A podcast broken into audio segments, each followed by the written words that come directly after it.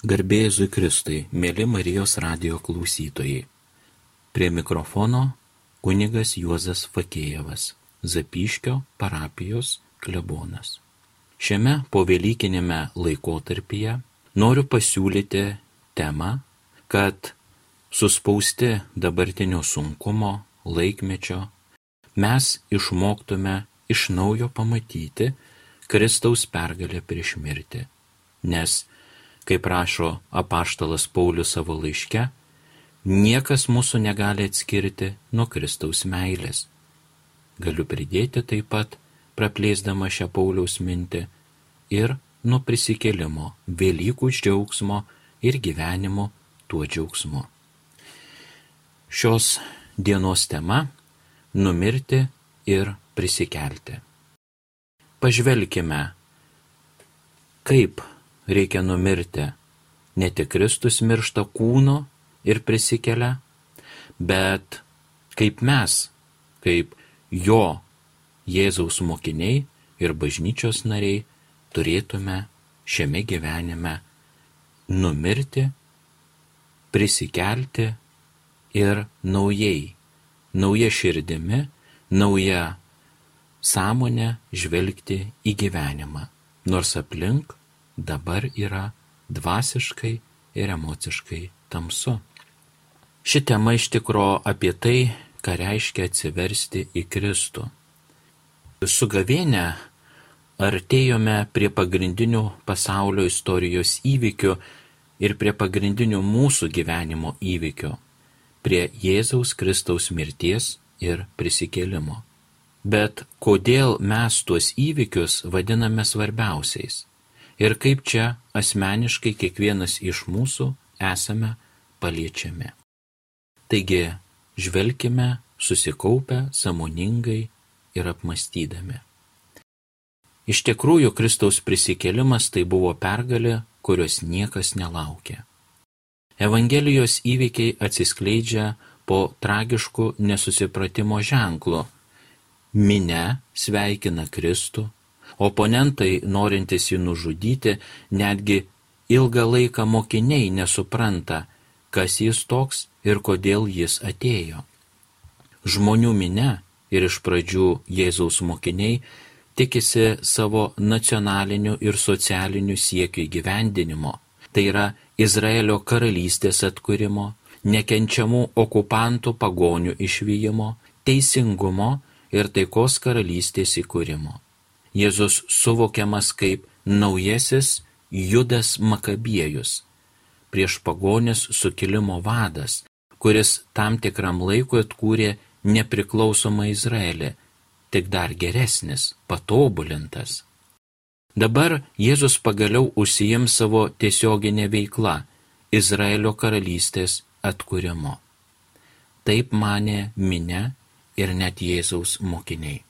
Dabar jis ves juos prieš Romos kariuomenę.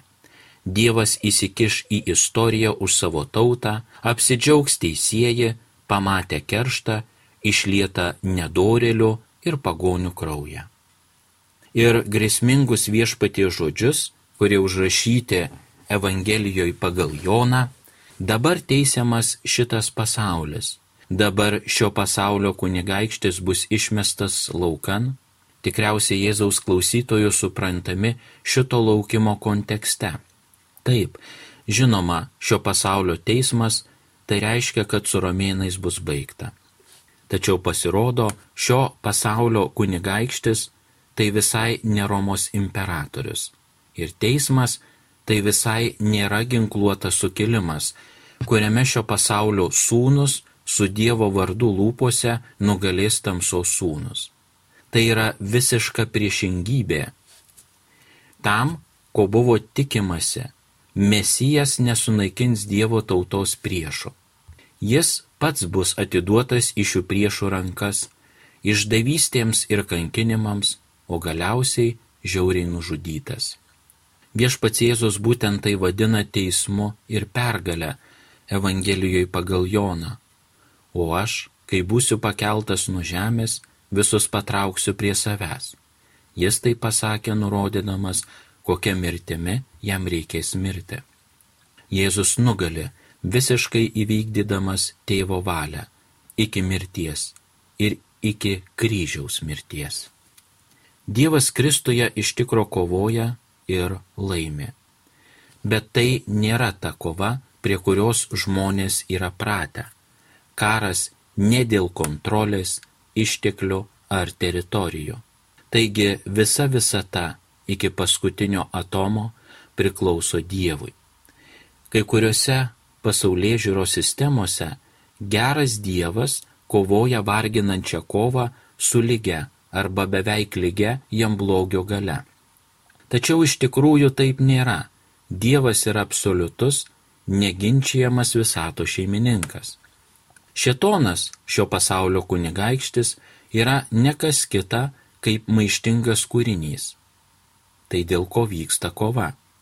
Dėl žmonių sielų už tai, kad nusidėlių santykiai su Dievu būtų atkurti ir sugražinti juos į amžinai bei palaimingą gyvenimą, kuriam jie ir buvo sukurti. Tai pergalė, kurios negalima laimėti smurtu. Tai karas, kurio tikslas nėra sunaikinti priešus, o juos atversti. Ir Kristus laimi. Romos imperija nebus sunaikinta, ji bus atversta praeis trys šimtmečiai ir pats Romos imperatorius sulenks kelius prieš nukryžiuotąjį. Tačiau svarbiausia - negalingų imperijų atvertimas, o konkrečių žmonių atvertimas, kuriuos ir atėjo išgelbėti Kristus. Kai nusidėjėlis pasitikė išganytoju, nukryžiuoto už jo nuodėmes ir nusisuka nuo tamsos į šviesą ir iš šietono valdžios pereina pas Dievą, šio pasaulio kunigaikštis yra išmetamas ir danguje yra didelis džiaugsmas. Prisikėlęs Kristus siunčia apaštalus skelbti susitaikymo žinios, mūsų nuodėmės išpirktos, duris atviros, mus kviečia atgal į namus. Bet tai dar ne ta pergalė, kurios tikėtasi iš Jėzaus. Tačiau žmonės nenorėjo pergalės prieš nuodėmę ir mirtį, bet kažko reikšmingesnio grubesnio ir akivaizdesnio. Pergalės prieš kitus žmonės tautinio ir politinio triumfo. Per tam tikrą laiką atsirado tautos lyderių, kurie žmonėms siūlė būtent tai, ko jie norėjo. Jie vedė juos prieš romėnus. Tai baigėsi taip, kaip viešpats ir išpranašavo - katastrofa. Iš didingų erodo didžiojo epochos pastatų nebeliko akmens ant akmens. Dar vienas maištas, vadovaujamas Simono Bar Kohba, išvertus jo vardą iš hebrajų kalbos žvaigždės sunus, kuri laikė tautą mesiju, baigėsi galutiniu tautos ištrėmimu iš šventosios žemės. Prasidėjo ilga ir skausminga ištrėmimo istorija. Izraelio karalystė ne tik, kad nebuvo atkurta, jie visiškai žlugo. Šiandien tarp mūsų ir evangelinių įvykių yra kelių tūkstantmečių krikščioniškosios istorijos skirtumas apie tautų atsivertimo į Kristų, apie kuriuos Jėzaus amžininkai neturėjo jokio supratimo, šventųjų ne viena karta, nuostabios katedros, evangelija, nesuskaičiuojama daugybė kartu atnaujant architektūra, muzika, tapyba, pati kalba, krikščionybė, kuri tapo didžiausia pagal siekėjų skaičių pasaulinė religija. Tačiau evangelinė situacija kartojasi vėl ir vėl. Jau nesenovės Izraelio tauta, tačiau kitos tautos nori iš Kristaus, kad įgyvendintų jų tikslus, iškeltų jų vėliavas ir pažemintų jų priešus. Ir kai paaiškėja, kad Kristus to nedaro, Tuomet žmonės pasirenka kitus lyderius, kurie ateina savo vardu, garbina ir tarnauja šiems lyderiams ir skina karčius viso šito vaisius. Tas pats nutinka ir atskirų žmonių ligmenyje. Jie tikisi iš Kristaus savo norų ir siekių išsipildymo ir skaudžiai nusivėlia, kai paaiškėja, kad jis, atrodo, to nesuteikia. Jis neturi suverenios magijos tam, kad galėtų garantuoti pergalės mūsų ginklais ar bent jau mūsų komandai. Ar net asmeninės magijos neturi, kad garantuotų mums veikatą, gerovę ir laimę mūsų asmeninėme gyvenime. Jis visiškai nenaudoja magijos. Jėzus siūlo visiškai kitokį dalyką - mirti ir prisikėlimą. Savo mirtį ir prisikėlimą, kuriuos jis padaro mums asmeniškais. Mes į Jėzaus mirtį ir prisikėlimą įžengėme per Krikšto sakramentą, kaip aiškina apaštalas Paulius laiške romiečiams. Taigi krikštu mes esame kartu su juo palaidoti mirtyje, kad kaip Jėzus buvo prikeltas iš numirusių tėvo šlovinga gale, taip ir mes pradėtume gyventi atnaujintą gyvenimą. Jei esame suaugę su jo mirties paveikslu, būsime suaugę ir su prisikėlimu. Mes žinome, jog mūsų senasis aš yra nukryžiuotas kartu su juo, kad būtų sunaikintas nuodėmės kūnas ir kad daugiau nebevergautume nuodėmiai. Juk kas miręs, tas išvaduotas iš nuodėmės. Jeigu esame mirę su Kristumi, tikime ir gyvensi su juo. Mes žinome, kad prisikėlęs iš numirusių, Kristus daugiau nebemiršta, mirtis jam nebeturi galios. Kad jis numirė, tai numirė nuodėmiai kartą visiems laikams, o kad gyvena, gyvena Dievui. Taip ir jūs laikykite save mirusiais nuodėmiai, o gyvais Dievui Kristuje Jėzuje. Išgyventi atsivertimą į Kristų tai dar nereiškia pasipildyti prie to, kas jau yra mūsų gyvenime kažkokiu nauju, nors ir svarbiu elementu. Tai reiškia numirti praeities gyvenimui, jo tikslams, įpročiams, viltims, baimėms, prisirišimams ir įsipareigojimams. Apie žmogų, kuris išgyvena kankinančią gėdą ir kaltę, sakoma, kad jis norėtų prasmekti skradžiai žemę. Tokios būsenos žmonėms norisi numirti. Atsivertimas būtent tai reiškia - mūsų senasis aš miršta. Krikšto indas tai tarsi karstas, kuriame atsivertęs asmo palieka savo senąją prigimti. Kartai senasis aš atrodo baisiai, žmogus atranda tikėjimą kalėjime arba ties mirties riba nuo alkoholio ar narkotikų, arba dėl kitų akivaizdžių ir labai tamsių nuodėmių. Gavėnios metu rytų krikščionių bažnyčia prisimena šventąją Mariją Egiptietę. Tai buvo moteris, kurią labai gyvenime domino pinigai ir malonumai, bei kuri negalvojo apie Dievą. Tačiau kartą jie aplankė Jeruzalę kaip turistė ir pagal Dievo vaizdą negalėjo patekti į šventojo kapo bažnyčią. Ji pasibaisėjo ir tą akimirką jos gyvenime kažkas nutiko. Senoji Marija, paleistuvė, mirė amžiams, o prisikėlė nauja, šventoji, kuri visą savo gyvenimą praleis ieškodama Dievo ir amžinojo išganimo. Kartais nutinka ir kitaip. Atsivertimas įvyksta būnant su garbingais ir padariais žmonėmis. Kaip pavyzdžiui, Vienas asmuo nebuvo girtuoklis, paleistuvis ar nusikaltelis. Jis kilęs iš geros šeimos, buvo labai silavinęs ir labai religingas žmogus. Prieš jį buvo nuostabi karjeros perspektyva. Jis mėgavosi pasitikėjimo ir pagarba tarp savo piliečių. Ir tada šis žmogus išgyveno tokią patirtį, kurią apibūdina kaip mirti ir prisikėlimą. Jo gyvenimo tikslai, vertybės ir orientyrai iš esmės pasikeitė.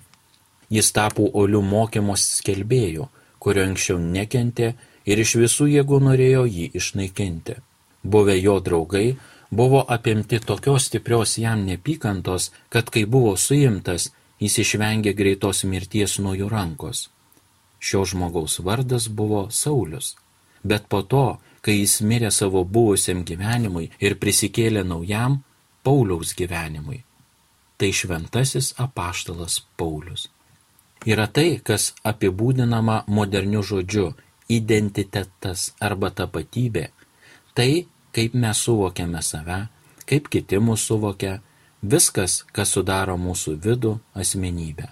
Tautybė, socialinė grupė, kuriai mes priskiriame save, religija, aistros ir silpnybės, suformuotos pagal mūsų gyvenimo patirtį, simpatija ir antipatija, Tai, kas mūsų akimis pateisina mūsų egzistavimą. Atsiversti Kristų reiškia numirti savo buvusiai tapatybei ir įgyti naują. Kaip rašė paštalas Paulius laiškė filipiečiams. Aštuntą dieną apipjaustytas, kilęs iš Izraelio tautos, Benjamino genties, žydas iš žydų, įstatymo tiksliai besilaikantis fariziejus, uolus bažnyčios persekėtojas, be priekaištų vykdęs įstatymo reikalaujamą teisumą. Bet tą pirmenybę aš dėl Kristaus palaikiau nuostoliu. O taip, aš iš tikrųjų visą laikau nuostoliu palyginti su Kristaus Jėzaus, mano viešpaties pažinimo didybę. Dėl jo aš ryžausi visko netekti ir viską laikau sąšlavomis, kad tik laimėčiau Kristų. Šiame tekste pabaigoje ištraukos paminėta žodis graikų kalba sąšlavos, tai atlikos, na netgi ekskrementai. Paulius laiko savo praeitį ir gyvenimo turinį tuščia. Tai šiukšlės ir net ekskrementai. Tuščias gyvenimo turinys. Be Dievo be gyvenimo džiaugsmo ir laimės. Vienas aukščiausios kastos hinduistas, religinių vadovų palikuonis ir pats kurį laiką gerbiamas guru, taip apibūdina savo atsivertimą į Kristų. Kai stabai buvo sumesti vieną didelę krūvą, mes padėgėme ją ir dar ilgai stebėjome, kaip liepsna naikina mūsų praeitį. Mažos figūros, kurių kažkada bijojame ir vadinome dievais, greitai virto pelenais. Sunku buvo patikėti, kad aš su dideliu džiaugsmu dalyvavau sunaikinant visą tai, kuo kažkada fanatiškai tikėjau. Ir iš tikrųjų tai, kuo gyvenau, sudegė, nustojo egzistuoti ir už tai dėkojau Dievui. Tai buvo manęs paties sudeginimo ceremonija, vakarykščio manęs. Jaučiau, kad atėjo to žmogaus pabaiga, galas, kuriuo aš buvau anksčiau. Tai buvo gurų mirtis. Buvęs gurų mirė kartu su Kristumi ir prisikėlė naujas. Tapdami krikščionėmis mes visiškai atmetame visą, kuo buvome anksčiau. Visi mūsų brangus tabai eina į šiukšlių dėžę. Tai turi būti nebūtinai medinės figūrėlės, kaip pas indų guru, bet tai aplinką mes kūrėme savo gyvenimą, savo aistras, tikslus ir vertybės. Visi žmonės yra religingi priklausomai nuo to, ką jie savo gyvenimo centre pastato. Garsus psichologas ir filosofas Erichas Fromas, asmeniškai netikintis žmogus, savo knygoje Psichoanalizė ir religija rašė. Nėra tokio žmogaus, kuris neturėtų religinio poreikio poreikis orientacijos sistemoje ir tarnavimo objekte. Žmogus gali melstis gyvūnams, medžiams, auksiniams ar akmeniniams stabams, nematomam dievui, šventam žmogui ar vadam su velniška išvaizda. Jis gali melstis protėviams, tautai, socialiniai klasiai ar partijai, pinigams ar sėkmiai. Jo religija gali prisidėti prie destruktyvaus principo ar meilės, priespaudos ar brolybės ugdymo, tai gali paveikti jo protą ar paralyžiuoti protą. Žmogus gali laikyti savo sistemą religinę, besiskiriančią nuo pasaulietinio pobūdžio sistemų, tačiau jis taip pat gali galvoti, kad jis nereligingas ir savo tarnystę aiškinti tam tikriems, tariamai pasaulietiniams tikslams, tokiems kaip valdžia, pinigai ar sėkmė tik kaip rūpestis praktiniu ir naudingu dalyku. Klausimas ne tame yra religija ar jos nėra, bet kokia ta religija, baigia Fromas. Tokia yra mūsų prigimtis. Mūsų gyvenimas turi kažkokį centrą, aplink kurį jis sukasi, nesvarbu, ar mes jį atpažįstame ar ne. Žmogus buvo sukurtas tam, kad garbintų ir tarnautų. Net jei kai kurie tarnauja, kaip prašo paštalas Paulius savo pilvui. Tačiau daugelis žmonių sako, kad tarnauti pilvui yra žema ir neverta ir siūlo labiau išaukštintus dievus. politinius lyderius, ideologijas, įvairius judėjimus, kurie jų šalininkams atrodo tokie geri, kad jų įsitikinimu pats Kristus, jei jis būtų gyvenęs mūsų laikais, tikrai būtų prie jų prisijungęs. Viename dokumentinėme filme vaizduojama, kad kažkokioje pagoniškoje šalyje veikia stabų parduotuvė. Įvairaus dydžio statulėlės vaizdavo keistai apsirengusias moteris, pusiau žmonės, pusiau gyvūnus, tiesiog gyvūnus, keletą visiškai fantastinių būtybių, kiekvienam skoniui. Pasaulis tarsi stabų parduotuvė, kurioje yra gausus pasirinkimas. Kai kurių stabų garbintojai nekenčia kitų ir mano, kad konfliktas tarp jų stabų ir kaimynų yra pats svarbiausias konfliktas visatoje, kurioje mes privalome pasirinkti kažkuria pusę. Ne visi stabai yra vienodi. Kai kuriems reikia masiškai žmonių aukų, kitiems paprastai nereikia tokių aukų. Tačiau kol kas jie užima pagrindinę vietą mūsų gyvenime - būtent stabai, nes teisė į šią vietą turi tik Kristus. Laiškė romiečiams rašoma, Ne vienas iš mūsų negyvena savo, ne vienas savo nemiršta. Ar gyvename, viešpačiai gyvename, ar mirštame, viešpačiai mirštame. Taigi, ar gyvename, ar mirštame, esame viešpaties, juk Kristus numirė ir atgyjo, kad būtų gyvųjų ir mirusiųjų viešpats. Atsivertimas tai supratimas, kad jis yra vienintelis, turintis teisę į mūsų gyvenimą Niekas kitas, taip pat ir mes, neturi tokios teisės. Kaip sako paštalas Paulius pirmajame laiške korintiečiams, jūs brangiai nupirkti, nepasidarykite žmonių vergais. Visi kiti pretendentai į mūsų atsidavimą - lyderiai, partijos, valstybės ir dar kas nors kitas - turi būti atmesti. Be to, mes patys turime atsisakyti pretenzijų ir teisų į savo gyvenimą. Tai gali būti ypač sunku padaryti. Mes gyvename kultūroje, kurioje savaime suprantama, kad mano gyvenimas priklauso tik man. Tai gali atrodyti kaip teisėta reakcija į bandymus patraukti mus prie įvairių stabų altorių. Tačiau tai neteisinga reakcija. Mes stabus atmetame ne dėl savęs, bet dėl to, kuris vienintelis yra vertas garbinimo. Mūsų gyvenimas nepriklauso mums. Ir šitas supratimas yra didžiausias džiaugsmo ir paguodo šaltinis. Nėra nieko ilgesingo ir nuobodesnio, kaip priklausyti savo. Žmonės, kurie tiki turintys teisę disponuoti savo gyvenimu, elgesi su juo labai blogai. Daugelis savižudybių būna įvykdoma žmonių, kurie mano, kad jų gyvenimas priklauso tik jiems kad galėtų išmesti bet kada, jei nusibosta.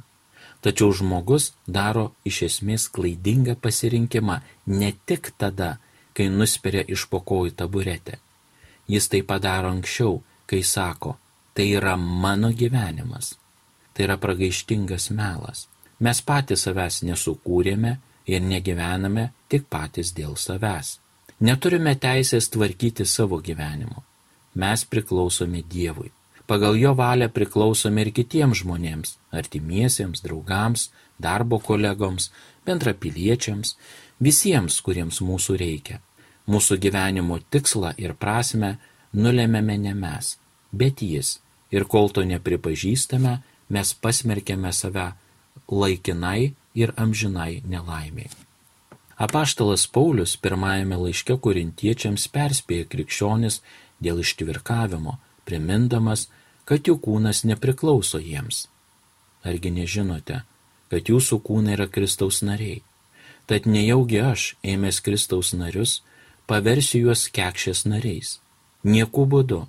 Ar nežinote, kad tas, kuris susijungia su kekše, tampa vienu kūnu su ja? Ir du taps, sako raštas, vienu kūnu. Jis nepalieka čia jokių dviprasmybių ir vėliau tame pačiame laiške. Ar nežinote, kad jūsų kūnas yra šventovė jumise gyvenančios šventosios dvasios, kurią gavote iš Dievo, ir kad jūs nebepriklausote patys savo? Mes nepriklausome savo, Dėl to tikra meilė saukyla iš to, kaip tik iš priklausimui tik savo ir dėl savivalės kyla savigriova. Statistiškai uolos bažnyčių lankytojai gyvena ilgiau, iš dalies todėl, kad išvengia pragaištingų įpročių. Pavyzdžiui, kaip aš galiu rūkyti, kai mano plaučiai ir širdis priklauso Jėzui Kristui? Kaip galiu girtukliauti, nes mano kepenys priklauso Jėzui Kristui?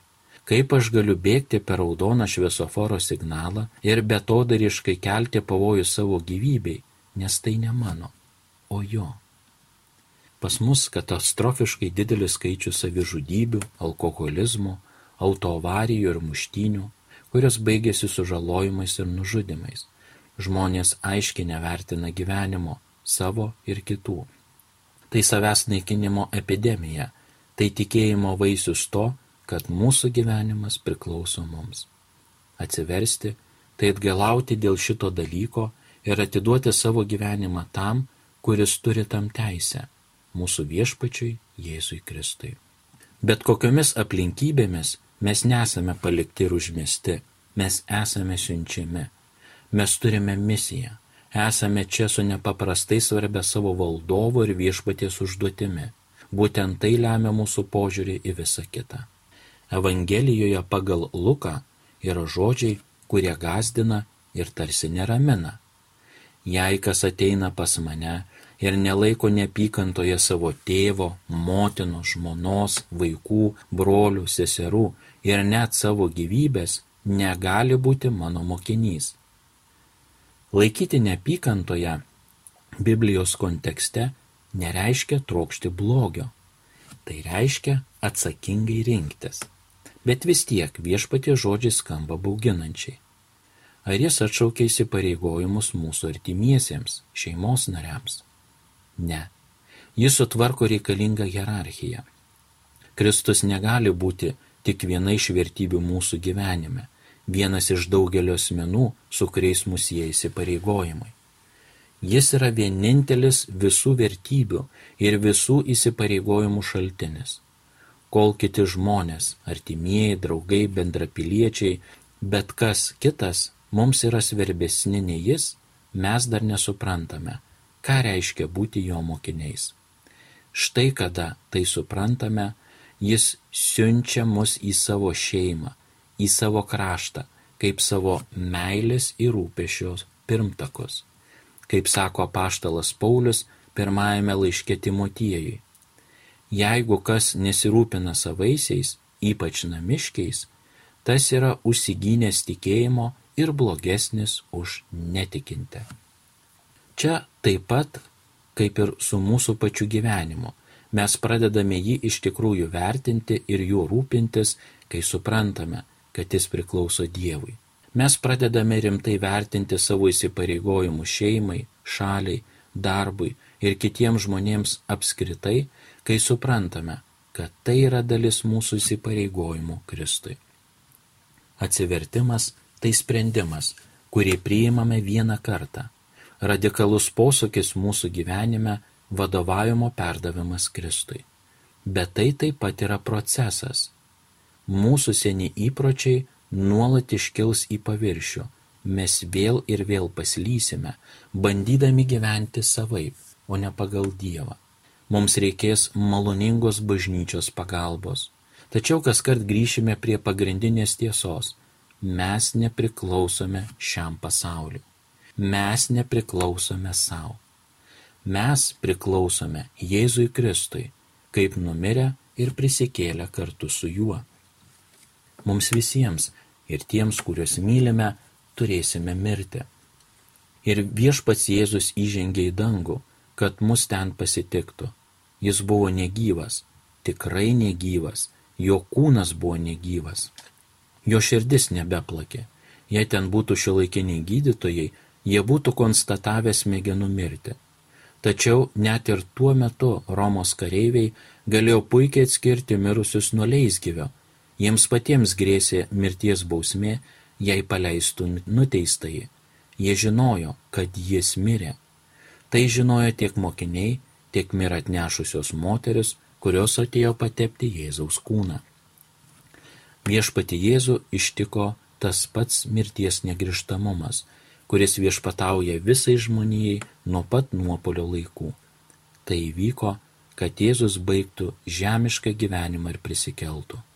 Ateis diena, kai mes visi prisikelsime, kaip ir Jis, ir pateksime į naują, perkeistą pasaulį, kur viskas, tiek žemiška, tiek dangiška, susijungs Kristuje. Tai yra mūsų ateitis, bet jie jau egzistuoja mūsų gyvenime, kai nusigrėžiame nuo senojo gyvenimo, kuomet esame nesusitelkę tik į save arba melagingus dievus, bet į tikrąjį gyvenimą, kurio centre yra Kristus. Visiems linkiu maloningų, šviesių, džiaugsmingų Velykų laikotarpio. Te būna įskiepytos Velykos į mūsų širdį, į mūsų sąmonę, į mūsų santykius ir ypač į šį laikmetį. Būkime sveiki ir atsivertę. Prie mikrofono buvo kunigas Juozas Fakėjevas. Sudie, aleliuja.